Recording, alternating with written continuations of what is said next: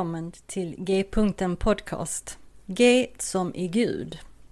Jag heter Monica Albin och detta är en podcast för oss som är på en resa i tro och liv, i andlighet och allt som har med Gud att göra. Vad nu Gud betyder för oss. En öppen atmosfär där inga frågor och funderingar är dumma och där vi tillsammans ska få vidga vyerna. G-punkten betyder att Gud är mittpunkten, i centrum av samtalen och genomsyrar allt och alla. Och därifrån är vägarna öppna att fortsätta framåt och utforska nya vyer. Samtala de stora frågorna på ett vardagligt sätt hoppas jag att podcasten ska kunna erbjuda. Tack för att du vill vara med på den här resan. Så välkommen på resan mot G-punkten.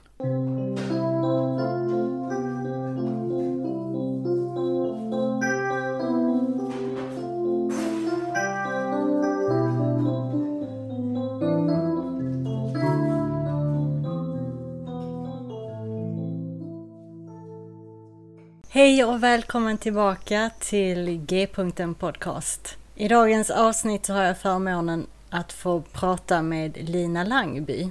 Hon är doktorand i religionsfilosofi vid teologiska institutionen eh, på Uppsala universitet och planerar att disputera någon gång kring eller strax efter årsskiftet. I sin forskning skriver hon om gudsuppfattningar, speciellt panenteism, panteism och klassisk teism och skriver ganska mycket processteologi. Och Thomas J. Ord är en stor inspirationskälla för Lina. Så vi pratar dels om henne och vad som format hennes intresse för och liv i och med Gud och teologi. Och vi pratar om hennes forskning och skrivande och så vidare. Lite nördigt emellanåt kanske, men samtidigt väldigt befriande. Jag lägger eh, länk i avsnittsbeskrivningen till hennes profilsida på Uppsala universitet. Där kan du klicka vidare på länkar till det hon har skrivit.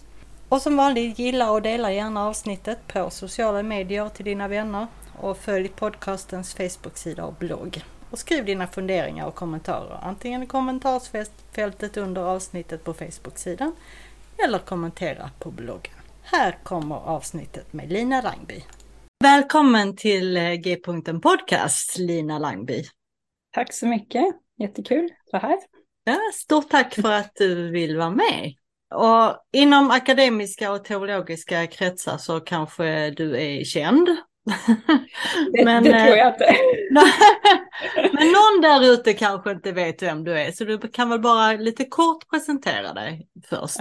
Ja, eh, absolut. Eh, jag heter Lina Langby och är doktorand i religionsfilosofi, eh, teologiska institutionen, teologiska fakulteten i Uppsala. Mm. Och har varit det sedan 2018 på hösten. Jag kommer ifrån Sturefors utanför Linköping där jag växte upp med tre storebröder, mamma och pappa, två katter. Vi tillhörde en baptistförsamling, en eh, liten sån landsortsförsamling utanför, utanför stan på landsbygden, mm. som inte längre finns tyvärr, eh, som så många sådana typer av gamla liksom, landsorts frikyrkoförsamlingar. Att, mm. Medelåldern blev för hög och medlemsantalet för lågt. Eh, mm.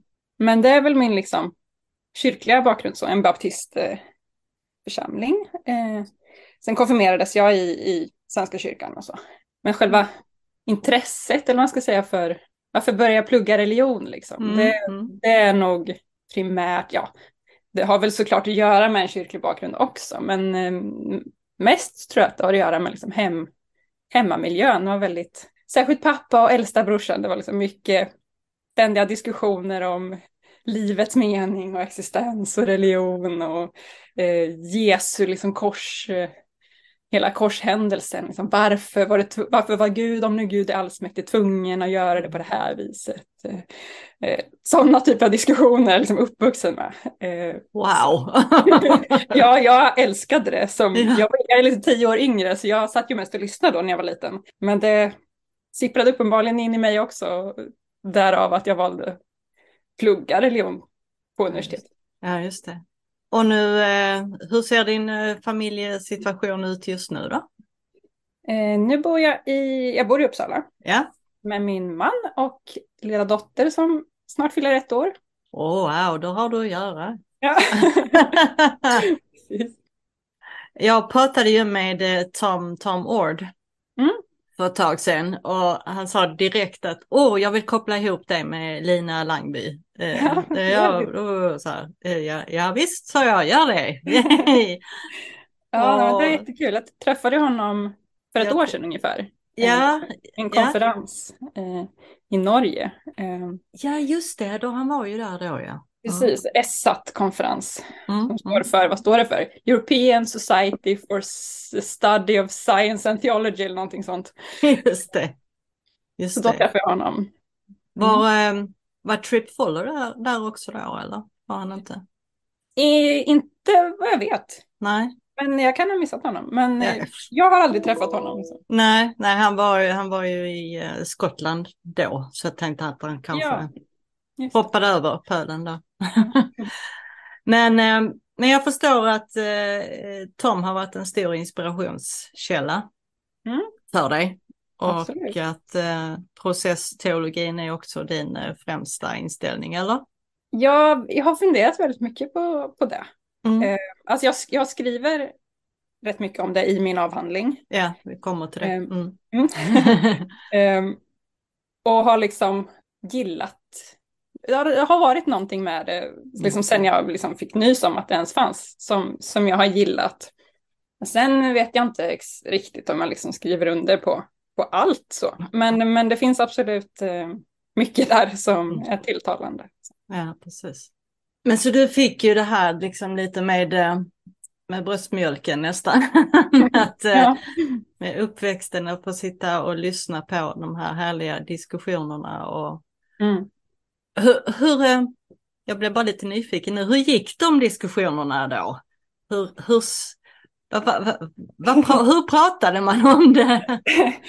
Eh, ja, ibland var det ju bara rena liksom, diskussioner vid, vid matbordet. Så. Mm, mm, Eh, men ganska ofta så eh, var det så att särskilt då pappa och e- ena brorsan, vi lyssnade på Teologiska rummet, P1-program. mm. Och, och så fort man liksom hade någonting som man ville liksom själv kommentera så räckte man upp en liten hand eller viftade lite och så trycktes det på paus och sen så blev det en egen diskussion liksom hemma. Och sen, så när man var, kände sig färdig med den diskussionen, ja, men nu klickar man på play igen och så fortsätter diskussionen. Eh, Men då, framförallt eh, då liksom i, i min uppväxt, eller i alla fall som jag minns, så var det väl framförallt liksom eh, frågor om, om Jesus. Mm. Och, och, och särskilt passionsberättelsen. Mm. Och det, just den frågan var väl lite grann anledningen till att jag ville börja plugga också.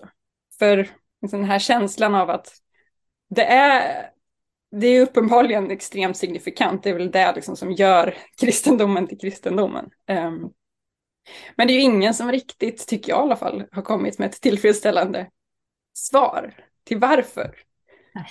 Precis. Det var tvungen, varför var Jesus tvungen att dö? Eh, Mm. Var Jesus tvungen att dö på just det här sättet eller var det bara en slump, liksom, att kulturen där och då såg ut så? Och hade, det, hade Gud så att säga inte kunnat knäppa med fingrarna och lösa det på, på något annat sätt? Va, vad är det med döden? Det verkar ju vara något intressant här. Mm. Och jag har fortfarande inte rätt ut det här, för det, och det är inte heller det jag forskar om, eh, men det var Mm. liksom ingången till intresset. Mm, mm. Det är väl mycket, jag tror det är mycket den ingången till eh, kanske just den här eh, sort, alltså som processteologi och open and relational, så här att nej, det måste finnas någonting mer. Det måste finnas någon annan anledning än bara det vi har hört, att ja, så här är det, du, du, du. Ja. Och sen tro på det och Mm. ställ inga frågor. Mm. Ja, och det är, du, du som jag eh, nöjer oss kanske inte med det. Så. Nej, sen, sen tror inte jag att, eh, att man liksom nödvändigtvis kommer komma fram till ett svar. Men ju, vägen, vägen dit, utforskandet är ju minst lika intressant som ett svar. Precis, och det är väl det också som är vår, eh, vårt judiska arv. Det här med midrash, att man sitter och, och brottas med texten, man, Mm. man eh, diskuterar fram och tillbaka, man, man är inte ute efter något svar. Nej. Utan eh, men det kan vara så här från det synvinkeln eller från här eller så här eller så här. Mm. Och, eh, och det är det som gör att man växer. Mm. Du skriver i din eh, eh forskning om olika gudsuppfattningar. Ja, precis. Panenteism och panteism och klassisk teism till exempel. Men ja. de här tre då, panenteism, panteism och klassisk teism. Mm. Det är kanske inte alla som vet vad det står för. Så kan du, om du bara kort beskriver likheter och skillnader mellanåt så, så kan vi gå vidare in i en, en av artiklarna sen. Mm. Eh, om man kan ta det liksom helt från början. Ja. Teism, eftersom alla de här har teism som Precis. Yes. Eh, och teism är ju då eh, Gud, kom från grekiskans teos, eh, teos, och syftar vanligtvis på så att säga en någorlunda närvarande skapare till skillnad från deism där Gud skapar världen men sen liksom eh, hands off låter mm. världen sköta sig själv. Så, um, så teism är ofta en personlig eller åtminstone personlik, liksom, en gud som skapar med en viss intention och avsikt och så.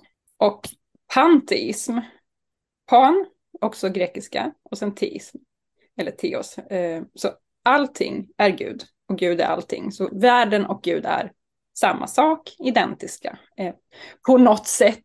Sen när man börjar grotta i det där så inser man att okej, okay, men vad betyder identiteten här och exakt hur ska man tänka? Men den enkla förklaringen är att Gud och världen är samma. Panenteism slänger in ett tredje grekiskt ord, nämligen en, som betyder i. Då är världen i Gud eller en del av Gud eh, på något sätt så Gud är liksom världen, eller världen, ja. Ofta har man en analogi med världen som Guds kropp. Mm. Eh, men Gud är också någonting utöver världen. Så det är inte den fullständiga identiteten som är panteismen. Utan världen plus någonting mer är Gud. Och klassisk teism är väl det som, även om man inte hört, känner till det begreppet, så är det nog det som de flesta kanske känner till. Um, Thomas av Aquino, Anselm och Canterbury och eh, Augustinus och mm. de typerna av tänkarna. Då är Gud och världen liksom helt olika. Fast världen är ju såklart, Gud har skapat världen så världen kan inte existera utan Gud. Men Gud skulle kunna existera utan världen.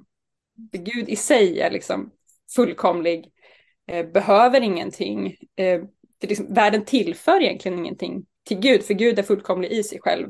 Men Gud valde av någon anledning att skapa världen. Så där är liksom skillnaden mycket större, även om det, det är fortfarande inte en deism, att Gud skapar världen och sen säger nu får ni sköta er själva. Mm. Gud är helt immanent, i, mm. även i, i en klassisk teism, men ontologiskt är Gud helt oberoende. Just det, det är väl rätt så, ja det är en klassisk, det är många som eh, kanske skriver under på det. Mm. Att det är så det är. Uh, ja, men det var väl, tack så mycket, det var jättebra förklarat. Ja, bra. uh, du skickar några länkar till mig med material som du skrivit eller som du varit med och skriva och så. Och jag, jag har inte läst allt, men, men lite. Mm. Och jag tänkte vi kan ju börja med att prata om artikeln uh, En gud värdig tillbedjan. Mm. Och för där står ju lite om just klassisk teism och panteism och ja. så här. Men hur vill du själv beskriva just den artikeln, den skriften och vad var det liksom inom dig som eh, gjorde att du ville ta upp just det ämnet? Mm. Det var i samband med att jag skrev avhandlingen. Mm. Um, och då, då hade jag inte riktigt koll på om jag så att säga behövde skriva om tillbedjan eller inte, men jag hade en känsla att jo, men det jag vill komma åt, liksom, det har med det att göra, men jag var inte riktigt på det klara med hur eller varför. Mm. Um, så jag behövde liksom skriva av mig, kan man säga. och den, i den artikeln så fokuserar jag inte alls på panentism utan enbart panteism. Och dessutom en särskild variant av panteism, för den finns i sig i massor olika varianter. Men det, det jag ville utreda och som sen jag faktiskt också har tagit upp sen i avhandlingen. Ehm, mm. Jag kom på att jo men det var, det var viktigt. Ja.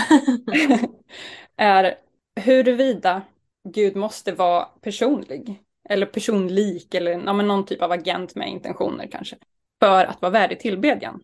Mm.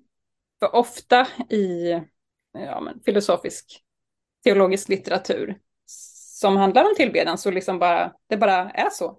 Mm. Ifrågasätts väldigt sällan utan ja men Gud, Gud måste vara personlig, eh, annars är Gud inte värdig tillbedjan. Mm. Jaha, ja så är det kanske, men varför då? Vill jag liksom ställa frågan och reda ut. Och man, slutsatsen kan man väl säga är att jag tycker att nej, så, alltså jag säger ingenting om hur, om hur Gud är. Det är liksom, jag bara frågar, ställer en filosofisk fråga. Måste Gud, om Gud finns, vara personlig för att vara värdig tillbedjan? Och tycker att ja, men det beror på, helt på hur den tillbedjan så att säga, tar sig uttryck. Om man förväntar sig ett svar eller att Gud liksom blir påverkad eh, och ja, man kan agera på tillbedjan eller eh, uppskatta den eller någonting sånt. Ja, då måste Gud kanske vara personlig. Eh, på något, eller personlik på något sätt. Men om man inte har den förväntan i sin tillbedjan, då behöver Gud kanske inte vara det. Och den typen av panteism som jag i den, i den artikeln fokuserar på är, som jag kallar för monistisk panteism. Just det. Mm. Alltså att det egentligen inte det är liksom en total enhet. Världen, Gud, allt i världen, allt är bara kanske olika uttryck för Gud. Precis som att min, liksom, min, min hand är ju, det är ju mig, en del av mig. Men jag är ju liksom en hel kropp också. Mm. Um, så att, men jag kan inte säga, hävda att handen inte tillhör mig, för det är klart att den gör. Um, så den här typen av panteism är en liksom fullkomlig enhet och, och det vi tror är, är liksom ontologiska skillnader, att vi har du är skild från mig och jag är skild ifrån berget och så vidare. Det är någon typ av illusioner eller ja, det är så som vi uppfattar det, men egentligen så är allt en enhet. Och har man en sån typ av panteism, ja men då kan det ju inte vara en skillnad mellan den som tillber och det som tillbeds. Nej, just det. Och då kan man, ja, så att, så att det blir liksom, vad förväntar man sig, eller vad tycker man att tillbedjan överhuvudtaget är? Um, det påverkar ju om man tycker att Gud måste kunna respondera eller erfara eh, tillbedjan. Men om du har en, så att säga, vad ska man kalla det, en svagare kanske, eller en, en, annan, en annan förståelse av tillbedjan, där det inte finns en sån respons, eh, utan bara att den som tillber erfar världen och eh, tycker att den av olika skäl är underbar, helig, eh, väcker liksom förundran. Eh, det kanske räcker för vissa. Ja, det var, det var jättemånga intressanta och djupa liksom, tankar i den här. Jag tänkte, oh, det här måste jag läsa flera gånger. ja. Eh, du nämner Baruch Spinoza från 1600-talet som är en av de mest, eh, eller historiskt kanske mest kända panteisterna. Mm. Som sa att det endast finns en substans, Gud, och mm. allt annat är uttryck för denna enda substans. Att ande och materia, transcendens och immanens eller den tänkande och utsträckta substansen är ett uttryck för en och samma enhet, Gud. Mm. På något sätt så ger det ju ändå, jag tycker att det, det ger lite genklang ändå. För mm. att alltså man, man, rent erfarenhetsmässigt så kan man ju känna, tycker jag då, eller man ska inte säga utan jag, Mm. Kan ju känna det ibland. Att jag är, står inte utanför eh, världen helt. Om jag, jag bor precis bredvid havet här. Om jag går ner i havet där så kan jag känna mig liksom ett med havet på något sätt. Ja. Och det, jag tänker att det är inte bara inbildning. Nej. Utan på något sätt så, hur, hur förklarar jag det? I don't know. Nej. Men... Nej men absolut, jag håller med. Ja. Eh, sen måste man ju då inte dra slutsatsen panteism av den känslan. Nej, precis. Och man ja. behöver inte heller kanske säga att, ja, att jag tillber havet då, utan mm. att jag på något sätt bara njuter av att vara där. Mm. Så. Med all, alltings, vad säger man på svenska, interconnectedness är det som Precis ja, ja. Jo men allting så att allting hänger samman. Ja. Så att allting är sammankopplat. Mm. Och vissa pantister hävdar ju själva att Gud eh, inte är värdig tillbedjan. Mm. Men eh, som du i din artikel då eh, argumenterar för att det kan vara så ändå. Mm. Att eh, det inte bara behöver vara en, en personlig varelse som är värdig tillbedjan utan även Ja. eh, övrigt också. Det hänger nog samband, tänker jag också, med hur jag förstår vad panteism är. Mm. Ehm, för det går ju såklart att definiera det på olika sätt. Ehm, Ja, men hur, hur förstår du att panteism är? ehm, jag tänker att det är dels att universum eller naturen eller ja, allting, verkligheten som sådan, är en liksom, enhetlig teleologisk enhet. Eh, alltså att det finns någon slags eh, riktning eller att eh, den här gudomliga alltet är go- kanske god eh, eller eh, åtminstone extremt värdefull eller helig, någonting sånt. Men det är inte, det är inte samma sak som naturalism. Alltså, för, för panteismen och naturalismen är ju lika i det att de säger att det enda som finns är den fysiska världen, så att säga. materien och energi i universum. Mm. mm. Men skillnaden ligger i hur man förstår vad den materien och energin är. Naturalismen, eller naturalisten skulle ju säga att ja, men det är bara det är död materia, det finns liksom inget. Det finns ingen intention eller finns ingen riktning, utan det, saker och ting händer och gener muterar och det blir lite, och råkar det bli olika saker. Ja, lite slump sådär. Ja, men kör man hardcore naturalism så kan man inte säga att det ena är bättre än det andra. Det bara blir. Men det skulle inte en panteist säga. Nej, nej. För det finns liksom någon slags inneboende värde em, eller en riktning, någon typ av teleologi. Så hur, eh, hur tänker du här då när det gäller just tillbedjan? För om du skriver att det finns olika anledningar att tillbe Gud, men att vissa av de här kanske egentligen var tillbedjan, inte, inte var tillbedjan utan snarare en, en fruktan, av fruktan, att man, eh, Ja, man är så rädd för Gud så man måste tillbe Gud på något Just sätt. ja. Och, ja det är en del som har haft det som, som anledning. Eh, ja, Jag tror inte jag skrev, eller nu minns inte jag om jag skriver så mycket om det i just den artikeln, men jag har ju tänkt vidare eh, Ja. i avhandlingen och så eh, Ja. på vad är tillbedjan. Och jag är mest intresserad av vad, ja, eller så här, jag är inte intresserad av hur man tillber. Mm. För det tänker jag att ja, det kan man väl göra på många olika sätt. Du kan sjunga och du kan, kan be, du kan dansa. Ja. ja just det. Ehm, men varför? Just. Det är, mer, det är mer den frågan som är intressant för mig. Mm. Och nu tänker jag liksom mer i att det, när en känsla eller ett behov uppstår i den som tillber eh, av en, en överväldigande känsla av eh, kärlek eller eh, tacksamhet för livet, existensen eller det man, ja. Eh, jag tänker att det, kärlek är essentiell, tänker jag, eh, i anledningen till, va, va, åh, nu känner jag liksom att verkligheten eller vad det nu är som jag tillber är. Jag vill vara en, nära det, men kanske inte bara nära utan smälta samman på något sätt. Eh, Bli en enhet. Mm. Sen kanske man redan är en enhet ontologiskt, men, men liksom det är eh, Känslan jag, det. ja, känslan. Och där tänker jag att det är som grundursprunget till behovet eller viljan att tillbe. Ja, just det. Och för, för en del kanske inte skulle kalla det tillbedjan utan mer vördnad. Att man Mm. har vördnad för. Mm. Vad tror du om det? Ja, Ja. eh, absolut. Prisa kan, kanske man också kan tycka är ett synonymt begrepp. Det. om, men om man med det liksom vill, vill smälta samman med det som man tillber för att man känner någon typ av uppriktig glädje, kärlek, önskan om enhet. En del som eh, lyssnar på det här, eller ja, då kanske man inte lyssnar på det här, men en del, om man råkar lyssna på det här, eh, kanske tycker att det låter väldigt woo-woo.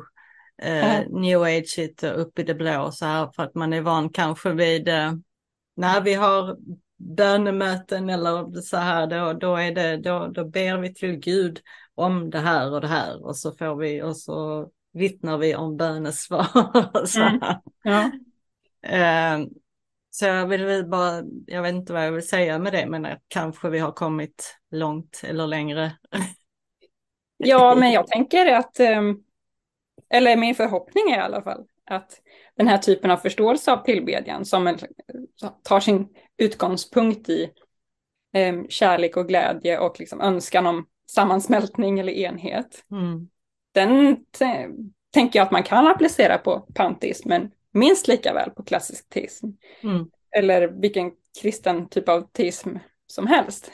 För frågan man måste ställa sig är varf varför, ja det hävdas att Gud är värdig tillbedjan, det är liksom någon typ av definition på att, att det är Gud överhuvudtaget. Ja, just det. Men varför mm. är Gud värdig tillbedjan? Är det bara liksom en, det bara är så? Mm. Eller är det för att Gud är skapare? Det är en vanligt liksom, kommande anledning. Ja, det kanske är ett rimligt skäl, men inte i sig, tänker jag. Nej. För om, om Gud hade varit ond och skapat en värld som var liksom bokstavligen ett, ett helvete för alla. Ja, hade Gud fortfarande varit värdig tillbedjan? Mm. Kanske inte. Så att liksom skapar, att Gud som är skapare kanske inte enbart, även om det kan vara del av en anledning så är det inte enbart det, utan då måste vi ha någonting annat. Eh, kanske då att Gud är god. Men andra personer är också goda. Och de är, kan, hävdar man ju vanligtvis inte. Alltså, en god nej, värdiga tillbedjan. Nej, just nej, det. kan vara värd respekt och mm. tacksamhet mm. och så, men inte tillbedjan. Så att, ja, det är lite, man måste reda i det där, det är inte helt lätt. Och jag menar inte att jag har kommit på något svar, jag bara försöker luska lite. Det är så himla kul det här, det är så nördigt. Så det är så. Men det är roligt. Nej, jag tänkte på det när du sa att eh, tillbedjan, men kanske tillber för att Gud har skapat allt. Du tänker att det kanske inte bara är, är det så. Du, du ja. vågar gå emot N.T. Wright. Ja. yes. ja. Annars är han är, har ju mycket bra att säga annars. Men, eh, mm. men det, det, var någon som sa att eh, ja, men NT Wright är en bra början. Det är en bra gateway drug till eh, att komma in till mer processteologi. ja. Ja men ja. exakt som du säger och det har ju har man lyssnat på ett par av dina avsnitt förut så har du nämnt processteismen. Ja. Eller processteologi jag brukar beskriva det som processpanentism bara mm. för att liksom vara väldigt tydlig med att all processteism är panentism. Ja, precis. Och det var väl jättebra. För nu kom du in på det som jag skulle komma in på nu. Eh, på den andra artikeln du skickade mig. Mm. Som har som eh, rubrik då Process Panentism and the only way argument. Mm. Eller då processpanentism och the only way argument. Så vad, vad är processpanenteism? Eh, bara ja, eh, det är, har sin liksom grund i, eller ja, i tänkarna eh, Alfred North Whitehead och eh, Charles Hartshorne. Och så Hartshorne var Whiteheads eh, assistent eller student, jag minns inte exakt. Ehm, och sen har vi John Cobb som var Hartshorns student och sen från Hans student var David Ray Griffin och, och Griffins student är Thomas, eller var Thomas J. Ord. Så det är liksom en yes. successionslinje här. Släkttavla. Mm.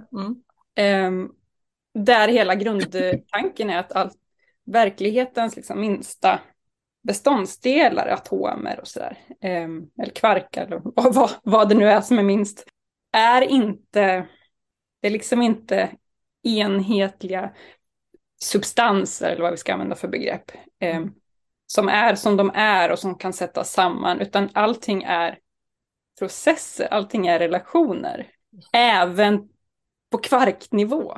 Eh, så liksom en kvark kan inte existera i sig själv, som om en kvark vore en kvark. Liksom. Utan det, det är det relationella eh, som är liksom i grunden eh, för hela processfilosofin. Och hela vägen upp till Gud, eller, eller mm. tvärtom, eller man ska säga. Gud är liksom inte, eh, som Whitehead skriver, Gud är inget metafysiskt undantag, utan Gud är också essentiellt relationell med världen då, eller med, med skapelsen. Eh, mm. Och det är en ganska rörig härva om man sätter sig in i liksom processfilosofin på riktigt så. Många mm. knepiga tekniska begrepp. Men, men av den här typen av filosofi så följer också att man måste avvisa tanken att Gud skapade världen ur intet. Just. Eh, för den föreställningen bygger på att Gud kunde existera i sig själv, mm. oberoende av någonting annat. Mm. Och det menar man i processteologin att nej, inte ens Gud kan det.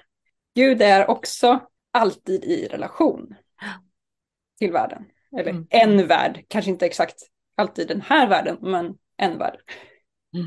Så där har vi ju, man tänker sig fortfarande att Gud är så att skaparen i den meningen att Gud är den som ordnar och ger riktning och liksom influerar världen.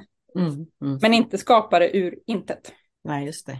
Det är ju också någon sån, en sån där liksom grundpelare någonstans inom eh, den klassiska, eh, kanske kristna tron i alla fall, mm. kanske även andra. Mm. Ehm, att Gud skapar av ex nihilo, mm. av ur intet. Så, Precis. så det, är, det är ju, jag förstår att det kan vara en, liksom en svår eh, eh, och, och mm. svälja här för en ja. del. Men om man väl vågar sig på och, och fundera och tänka i de här banorna så är det ju ändå en hel del som faller på plats. Mm. Kan jag tycka. Men ja. jag har ju, jag har ju liksom några år, några år bakom mig också. Ja. Ja, är man över 50 så hoppas jag att man kan förändras på sin resa i alla fall. Mm. Men, det... För, för, för sådana som Ord, som du pratade med för ja. några avsnitt sedan. Mm. Han fokuserar ju väldigt mycket på, alltså, vad, man kan avvisa eh, ex nihilo-tanken på rent liksom, tekniska grunder om man, om man tittar på vad, säger, vad är grunderna i processfilosofin. Mm. Och så kan man ställa upp dem och så ser man, okej, okay, slutsatsen är att Gud kan inte eh, av de här olika liksom, metafysiska grunddoktrinerna mm. så kan Gud inte skapa ur intet. Just. Det är en, en väg så att säga. Men han fokuserar ju mer på, han är inte så metafysiskt teknisk oftast, nej, utan nej. mer eh, att fokusera på Gud som eh, fullkomligt kärleksfull. Och att Gud då inte är allsmäktig för att det skulle betyda att man man styr skapelsen på ett sätt som inte är förenligt, tänker han, eh, med vad essentiell kärlek är för någonting. Precis. En helt och hållet kärleksfull Gud kan inte välja att låta bli att rädda någon om han kan. Liksom. Nej. Typ. Mm. Mm. Och om Gud hade skapat världen ex nihilo mm. Så får vi anta att men då har Gud den förmågan. Just. Men väljer av någon outgrundlig anledning då att inte ingripa. När vi kanske tycker att Gud borde ingripa. Ja, just det. Mm. Som förklaring så tar många fram det här, nej men det är ett mysterium och vi, mm. vi förstår inte Gud. Mm. Och sen, det kan ju vara riktigt att vi förstår inte Gud, för Gud är ju, Gud är ändå större. Men mm. äh. Ja.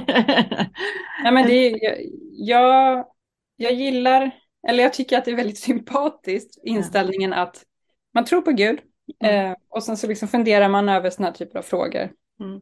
Så uppstår någon typ av spänning, exempelvis i det här fallet då med ondskans och lidandets problem.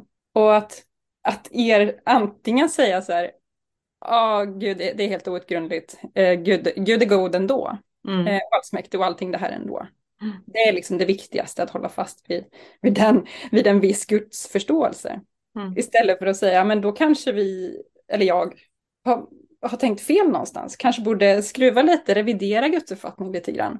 Just.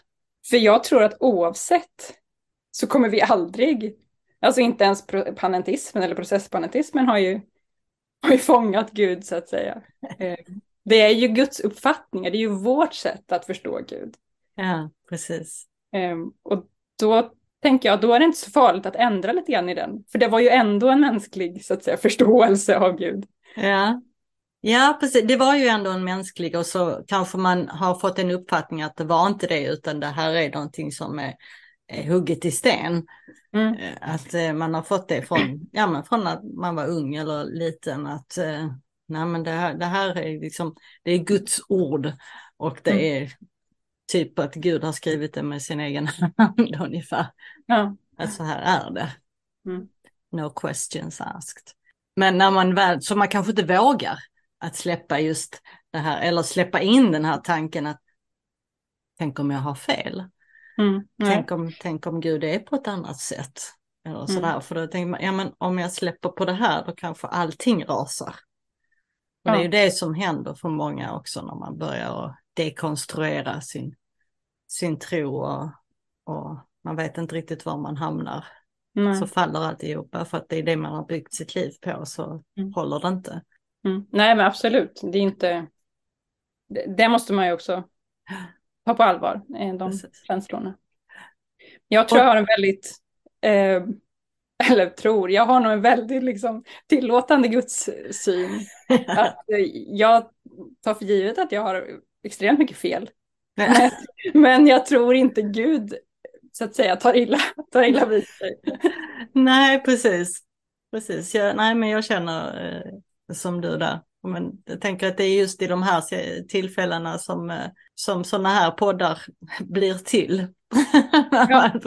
Nej, jag måste ju få prata tillsammans på något sätt och sprida detta.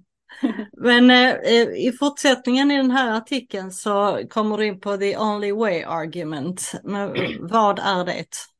Det är eh, för, eller uppfattningen att Gud var tvungen att skapa världen på sättet som faktiskt är fallet, det vill säga genom en evolutionär utvecklingsprocess. Mm. Från liksom, låg komplexitetsnivå till, till högre och högre. Mm. Um, för att sen leda fram till eh, oss, människa eller varelser av något slag eh, med fri vilja eh, som själv kan välja relation till Gud. Det brukar mm. vara eh, tanken.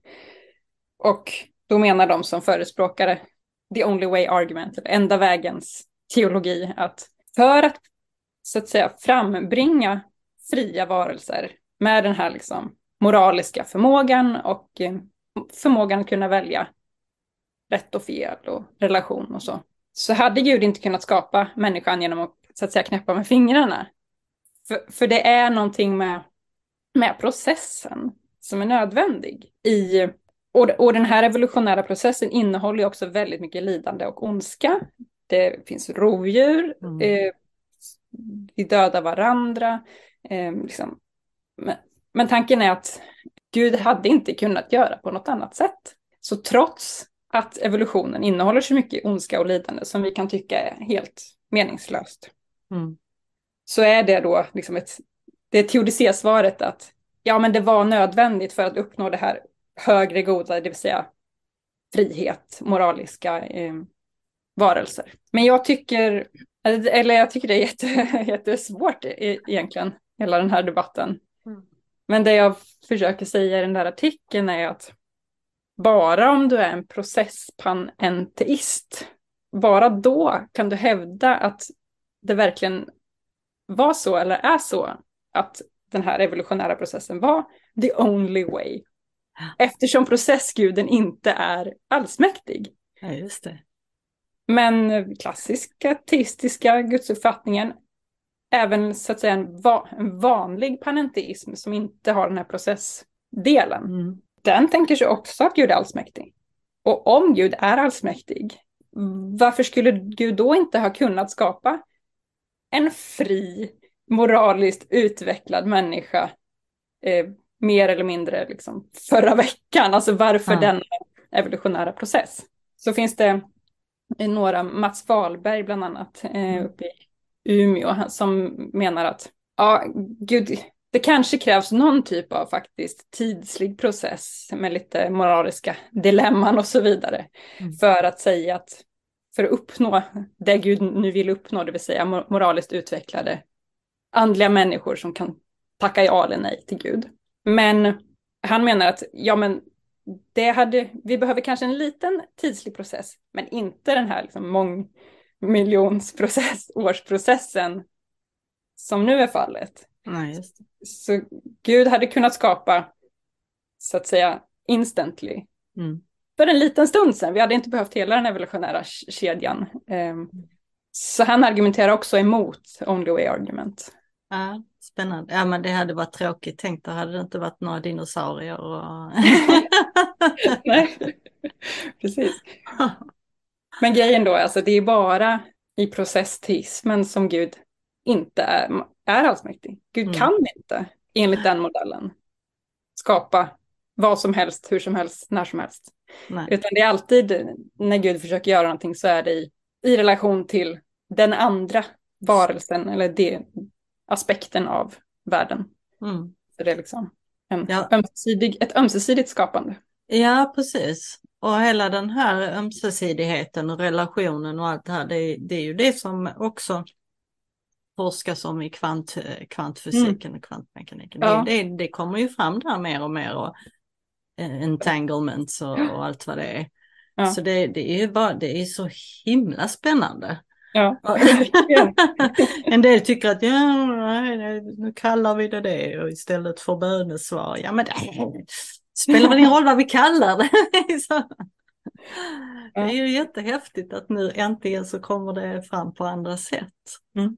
Och jag, jag, är så glad att upptäcka att det här ämnet behandlas även i Sverige. Ja. eh, också inom akademiska kretsar och inte bara då i, i USA eller på i, eh, internet. Så eh, mm. jag är glad att eh, Tom kopplade ihop oss. Ja. ja, men jag är glad att jag har hittat, hittat din podd. Du är ju också jätte, jag är helt förbluffad hur liksom kunnig och mycket du läser och jätteintressanta böcker och teman som, som du pratar om. Ja, tack så mycket. Det, det, det värmer. Och jag, jag, jag, som jag har sagt många gånger också, jag är helt jag är blown away att jag har fått så många kontakter. Mm. Att bara genom att ja, jag skickar ett mail till, till Brian McLaren och frågar om han vill vara med i min podd. Så bara, ja men det kan vi göra, kan vi ta det nästa vecka? Bara. Så att ja. så direkt kontakt sen, ja. det, det, är jättehäftigt. Så att, Superbra. Det här, det här fortsätter vi med.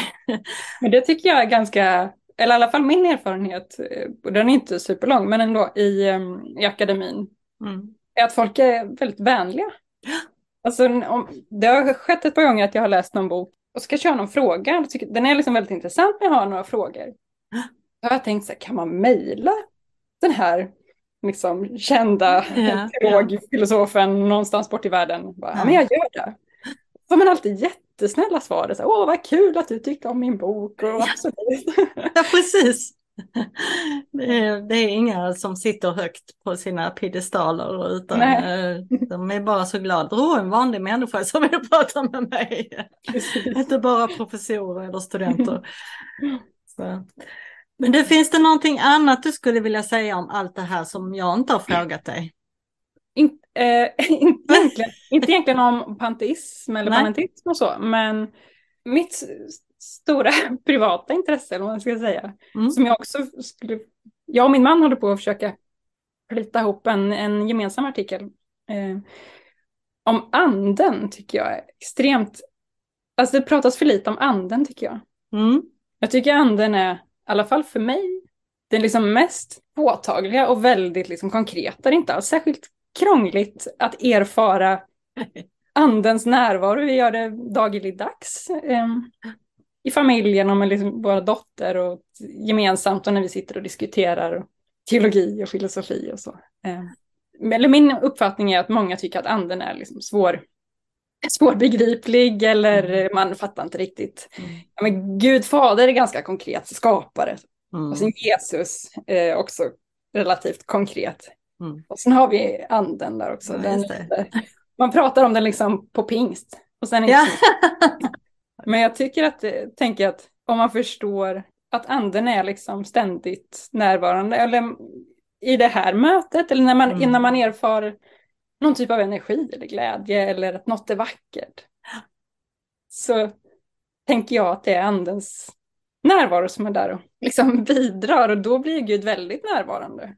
Och inte alls, inte så, behöver inte vara så krångligt. Nej, precis. Jag hörde en eh, man som är liksom, eh, vad heter det, tränar qigong och, och sånt här så vidare. Och han mm. pratar just om qi, mm. livs, livsenergin. Mm. Och ja, allting som är runt omkring oss som vi andas in och så det är atmosfärisk qi. Och jag mm. bara, mm, helig ande. ja. Du kallar det för atmosfärisk qi, jag kallar det för anden. Liksom. Mm. Men det är det, det, det, det är. Ja. Ja, vad härligt. Det, var, alltså det vore ju jätteroligt. Skicka mig den när ni är färdiga med den artikeln. Ja. så kan ni få komma tillbaka båda två då. Ja, absolut. Och få ännu ett eh, avsnitt. Så det, ni har alltså de här de diskussionerna som nu du hade i din barndom, de fortsätter i ditt äktenskap alltså? Ja, i högsta grad. Min man är också doktorand på, på samma ställe. Så, fast i etik, så vi har liksom lite olika ingångar, men ändå helt klart eh, mycket liknande intressen. Okej, okay, cool. Och så har ni en dotter där på väg som när hon börjar och ja. kommer bli, kommer bli ännu en släkttavla med. Ja, precis. Antingen kommer hon älska det eller så här, totalt bara nej. Ja, ja, precis. Bara nej, nu går jag. Ja. Men nu, jag har en eh, sista fråga som jag frågar alla mina gäster. Mm. Och det är, var finner du njutning och välbehag just nu? Eh, när jag får bada. Det är mitt jag mår väldigt bra i vatten. Jag måste ha varit någon typ av fisk i tidigare liv. eh, bad och sommar, mm. vara dotter, vara med familjen. Så det, mm. det är min, mitt bästa just nu. ja. ja, det är härligt. Jag, jag, jag älskar att bada jag också. Mm. Så, mm. Men du, tack igen för att du ville vara med. Tack så väldigt mycket att jag fick vara med. Eh, jag ser fram emot eh, artikeln om anden. Ja, vi får, vi får rappa på. Ja, det får ni göra. Nu har ni liksom ett, ja men vi måste bli färdiga så vi kan få vara med i G-punkten igen. Ja. Men jag lägger en, en eh, länk till din sida på Uppsala universitet i avsnittsbeskrivningen och så här. Så att man kan komma vidare till det. Mm. Okay. Men tack så mycket och ha en fantastisk fortsatt dag. Tack så mycket, detsamma. Tack, hej. Tack för att du lyssnade på det här avsnittet. Och som sagt, dela med dig av det till alla. Idag avslutar jag med en välsignelse. Må Guds ande virvla runt dig och lämna dig med ett flin på läpparna och må det flinet förvandlas till ett leende och må det leendet förvandlas till en kärleksfull handling. Vi hörs snart igen. Hejdå!